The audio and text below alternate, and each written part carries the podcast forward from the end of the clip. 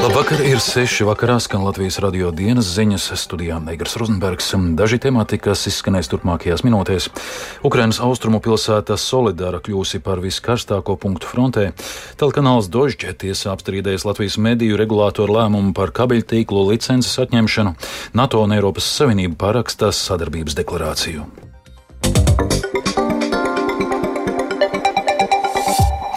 Krievijas izvērstajā karā Ukrainā pēdējās dienās par frontes viskarstāko punktu kļuvusi Solidāras pilsēta, kur Krievijas uzbrukumu intensitāte tagad ir lielāka nekā pie Bahmutas. Vismaz daļu pilsētas kontrolē iebrucēji, bet Ukraiņi dara visu, lai nosargātu Solidaru, kas ir pamatīgi nopostīta. Vairāk stāsta Uldis Česberis. Nelielā Solidaras pilsēta Donetskas apgabalā ir kļuvusi par kara darbības epicentru, paziņojuši Ukrainas bruņotie spēki. Iebrucēji no Krievijas nelielās grupās gandrīz nepārtraukti veic uzbrukumus pilsētai. Cilvēkus piesedz smagā artilērija, vairākas reaktīvās artilērijas palaišanas iekārtas un mīnmetēji. Uzbrukuma grupas veido pārsvarā algotņi no privātās armijas Wagner. Ukrainas prezidents Volodimirs Zelenskis paziņojis, ka Solidara, kur pirms kara dzīvoja aptuveni desmit tūkstoši cilvēku, ir gandrīz pilnībā nopostīta. To apstiprināja arī Solidaras iedzīvotāja Olga, kurai šonadēļ ar brīvprātīgo palīdzību izdevās pamest pilsētu. Mums nav nevienas veselas mājas, vai nu degusi, vai nu pusagrauta, vai nu kādos dzīvokļos griezti iebrukuši. Kopš māja bija klusāks, varējām staigāt pa ielām, bet pēdējo nedēļu vai pusotru nedēļu ārā negājām, jo tur skraida karavīri ar ložmetējiem un kliedz. Lielbritānijas militārie izlūkdienesti ziņo, ka Krievijas karaspēks visticamāk kontrolē lielāko daļu Solidaras. Iebrucējiem būtiskus panākumus ir izdevies gūt pēdējās četrās dienās. Britu izlūki norāda, ka Solidaras sagrābšana ir viens no priekšnoteikumiem, lai Krievi varētu mēģināt ieņemt aptuveni 10 km attālumā esošo Bahmutu, kur līdz šim norisinājās smagākās kaujas. Tomēr esot maz ticams, ka Krievijas karaspēkam varētu drīzumā izdoties ieņemt arī Bahmutu, jo Ukrainas spēki tur ir izveidojuši ļoti stabilu aizsardzības līniju. Kopumā situācija frontē ir diezgan statiska. Par to liecina arī tas, ka Krievijas artilērijas apšaužu skaits diennaktī ir samazinājies no 20 tūkstošiem līdz 5 tūkstošiem, vēsta ASV telekanāls CNN. Savukārt Ukrainas mediji ziņo, ka Krievijas artilērijas uzbrukumu skaits ir samazinājies no 60 tūkstošiem līdz 20 tūkstošiem diennaktī. Uldis Česberis, Latvijas radio. Pat labāk ceļu uz Kijevu mēroja otrā pašvaldības uzņēmuma Rīgas satiksmes ziedoto pilsētas autobusu kolonna. To pavadīt šorīt devās arī kolēģi Ieva Puķe. Šorīt pulkstens deviņos piepildīti ar humanās palīdzības sūtījumiem Ukraiņiem 20 gadus vecie busi, kas joprojām ir labā tehniskā kārtībā, no Rīgas satiksmes stāvlaukuma sāka mērot ceļu uz Kijevu, lai tālāk ripotu pa tās ielām. Iepriekšējo 11 autobusu sūtījumu, vēl būdams Rīgas domnieks, Smiltēns pavadīja pagājušā gada aprīlī. Ukrainas vēstnieks Latvijā Aleksandrs Miščenko, kas arī bija ieradies pavadīt autobusu kolonnu, stāstīja, ka Kīvā viesojies vēl pirms nedēļas, piedzīvojis ūdens, apkuras, elektrības pārāvumus. Šis būs tiešām nozīmīgs atbalsts karā izpostītajam pilsētas autoparkam. Turklāt šāda palīdzība Ukraiņiem ļaus ietaupīt naudu armijas vajadzībām. To, to Kyiv and, uh, see, uh, Kad Kīvā notiek raķešu uzbrukums, trūkums, tad arī elektrotīkls nestrādā. Nevar pārvietoties ar tramvajiem un trolēbusiem. Vienīgais veids, kā tikt no vienas pilsētas daļu uz otru, ir autobusi. Tie ir kritiski svarīgi Ukrainai tieši šobrīd, kad Krievija atkal un atkal cenšas uzbrukt ar raķetēm un radīt bailes. Mūsu uzvara kaujas laukā šobrīd ir vissvarīgākā. Our victory in battlefield is very important, crucial important now. Pieredzējušais Rīgas satiksmes šoferis Ervīns Jakovļevs, kas ikdienā brauc 21., 41. un 37. maršrutā, uz Ukrainu stūrē autobusu, kam ir 9. numurs. Jūs teicāt, jūs esat runājis ar kolēģiem Ukrainā, jā, kas brauc ar šiem autobusiem? Jā, viņš strādā uz trolēbusiem, un, un viņš teica, ka visi autobusi tādi brauc ar mūsu logotipiem Rīgas satiksmē. Vienīgais, kas ir nomainījuši, ir augšējos tablo. Pirmā pietura auto kolonnai būs Suvalkos, kur šoferi arī gulēs pa nakti. Kolēģiem uz Ukrainas robežas autobusus paredzēts nodot ceturtdienas rītā. No Rīgas līdzi brauc arī atslēdznieks un automehāniķis Ieva Puķa Latvijas radio.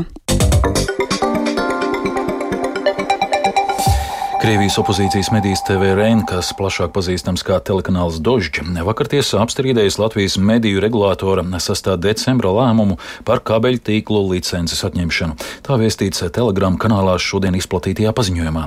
Vairāk stāsta Ieva Puķe.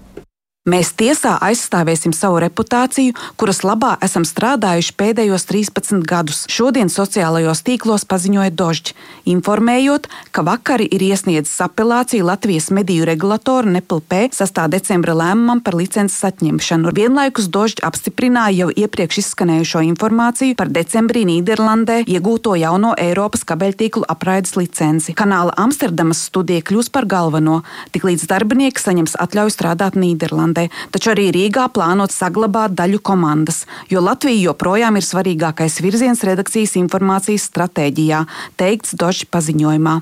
Tikmēr TV3 grupa apstiprinājusi, ka lauž telpu nomas līgumu, un Krievijas žurnālistiem jau janvārī tās jāatstāja. Bet NPLP informējis 10 tūkstošu eiro sodu par kļūdām ēterā, kas noved pie licences atņemšanas, kanāls ir samaksājis, taču tiesā apstrīdējis 4000 eiro sodu par latviešu valodas celiņu nenodrošināšanu. Rītdien Sijā TV Reina viedokli uzklausīs atbildīgā saimas komisija.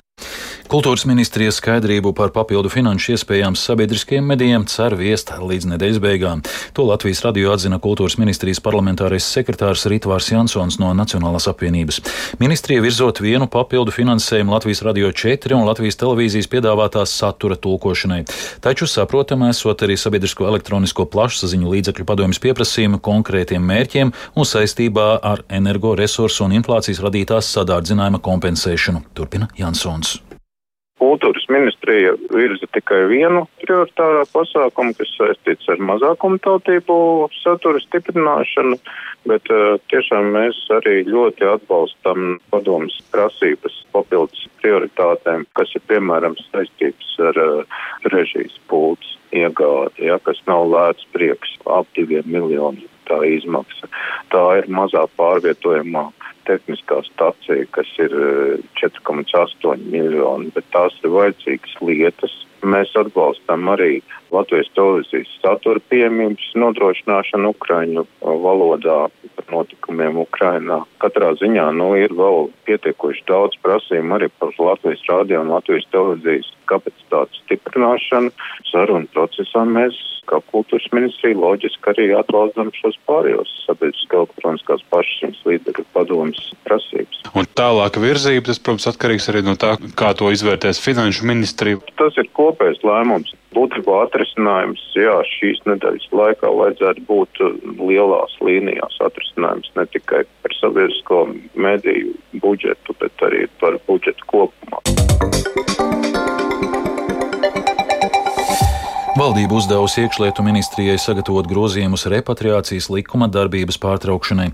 Ministrija informējusi valdību par Krievijas pilsoņu intereses pieaugumu par izceļošanu no Krievijas, lai pārceltos uz pastāvīgu dzīvi Latvijā. Pēc valdības sēdes ārlietu ministrs Edgar, Edgars Rinkevičs no jaunās vienotības pavēstīja, ka repatriācijas likums 90. gadu vidū tika pieņemts ar citu mērķi - palīdzēt atgriezties tautiešiem gan no austrumiem, gan rietumiem pēc trindas.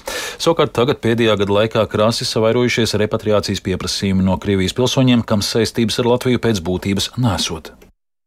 Pēc mūsu vēstniecības Maskavā, pēc konsulārā dienesta datiem, līdz šim nebija nekādas intereses, nekādas saiknes ar Latviju, varbūt kaut kādi formāli aizmetņi, kas mēģināja izvairīties no mobilizācijas, kas mēģināja tādā veidā apiet Latvijas un arī Baltijas un Polijas un Somijas ieviestos vīzu izsniegšanas ierobežojumus, faktiski iegūt šo statusu, kas dod uzreiz iespēju saņemt uzturēšanās atļauju un pēc būtības baudīt visas privilēģijas, kādas ir cilvēkiem, kuriem ir pastāvīgās vai termiņa uzturēšanās atļaujas vai Latvijas pilsonības status, pēc būtības nedzīvojot Latvijā, faktiski apējot šos ierobežojumus un sankcijas un turpinot brīvi ceļot.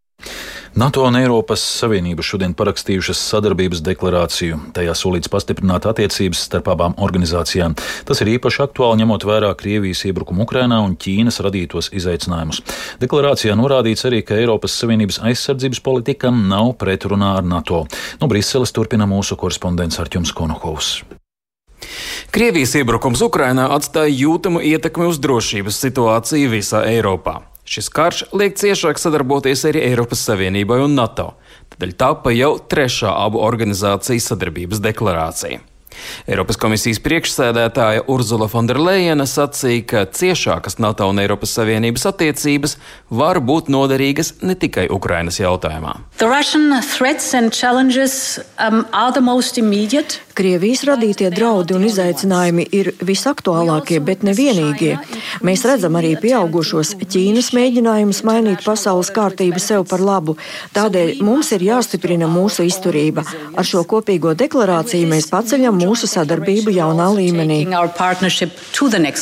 Sākotnēji deklarācija bija plānots parakstīt vasarā notikušajā NATO līderu samitā Madridē. Bet karš Ukrainā, kā arī Kipras un Turcijas saspīlētās attiecības, lika mainīt tekstu un datumu.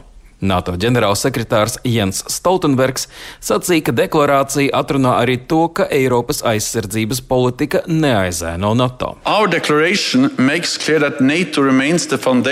Mūsu deklarācija skaidri pasaka, ka NATO paliek mūsu kolektīvās aizsardzības pamats un turpina spēlēt būtisku lomu Eiroatlantiskajā drošībā. Tā atzīst arī spēcīgākas Eiropas aizsardzības nozīmi, kas nes pozitīvu ieguldījumu mūsu drošībai, kā arī papildina un ir savstarpēji savietojami savietojama ar NATO. Uh, Šobrīd NATO sastāvā ir 21 Eiropas Savienības valsts. Drīzumā arī Somijai un Zviedrijai vajadzētu pievienoties aliansei. Ar jums Konahas Latvijas Rādio Briselē. Divus gadus pēc dibināšanas Rīgā akreditāciju iegūsi privātā izglītības iestāde Vislatvijas vidusskola. Atšķirībā no daudzām citām iestādēm, tā ir privāta tālmācības skola, kurā no 1 līdz 12 klasē mācās 540 skolēni, par kuru izglītošanu vecākiem mēnesī jāmaksā 45 eiro. Iepriekš par to daudzkārt runāts, ka tā ir skola, ko izveidojuši Covid-19 vakcīnas pretinieki. Turpretī viens no dibinātājiem norāda, ka viņiem izdevies atrisināt nopietnas problēmas, kas esot citās skolās. Savukārt valsts atbildīgajā dienestā ziņo, ka skolas akreditācijas laikā novērotas arī nepilnības, kas skolai drīzumā jānovērš. Vairāk stāsta Viktors Demidovs. Akreditēto skolu pulkam ir pievienojusies jauna iestāde, kuras nosaukums ir Vislatvijas vidusskola. Tā darbību sāka pirms diviem gadiem, un visu šo laiku notika tās akreditācija. Iepriekš daudzkārt izskanēja informācija, ka šo skolu sāka dibināt personas, kas skaidri nostājās pret obligātu Covid-19 vakcināciju, taču viens no skolas dibinātājiem, Ārvils Spekulis, sarunā ar Latvijas radio norādīja, ka viņiem tas nav bijis galvenais fakts un ka viņi no paša sākuma bijuši par cilvēka brīvu izvēli. Mēs esam konceptuāli atrisinājuši pedagoģu trūkumu problēmu. Mums ir tieši pretējs efekts. Mums ir iespēja izvēlēties labākos pieejamos skolotājus.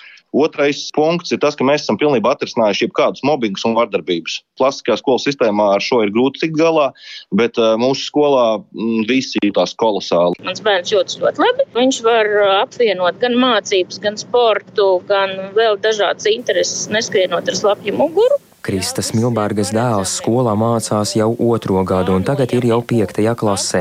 Viņa norāda, ka citās skolās ir daudz problēmu, kuras vecākiem nav iespējams labot. Izglītības kvalitātes valsts dienests informē, ka ekspertu komisija rūpīgi izvērtēja izglītības kvalitāti un atzina, ka skola veikusi ievērojumu darbu, tomēr atklātas nepilnības. Problēmas nosauc dienesta pārstāve Sarmīte Dīķe. Skolas darbības dokumentēšana sadarbības organizācijā ar izglītojumu skolotājiem un vecākiem, izglītojamo mācību sasniegumu diagnosticēšanā un vērtēšanā, skolas darba pašanalizē. Dienas turpinās sekot līdzi skolas darbības attīstībai, tostarp sešu mēnešu laikā pārliecināsies par konstatēto nepilnību novēršanu.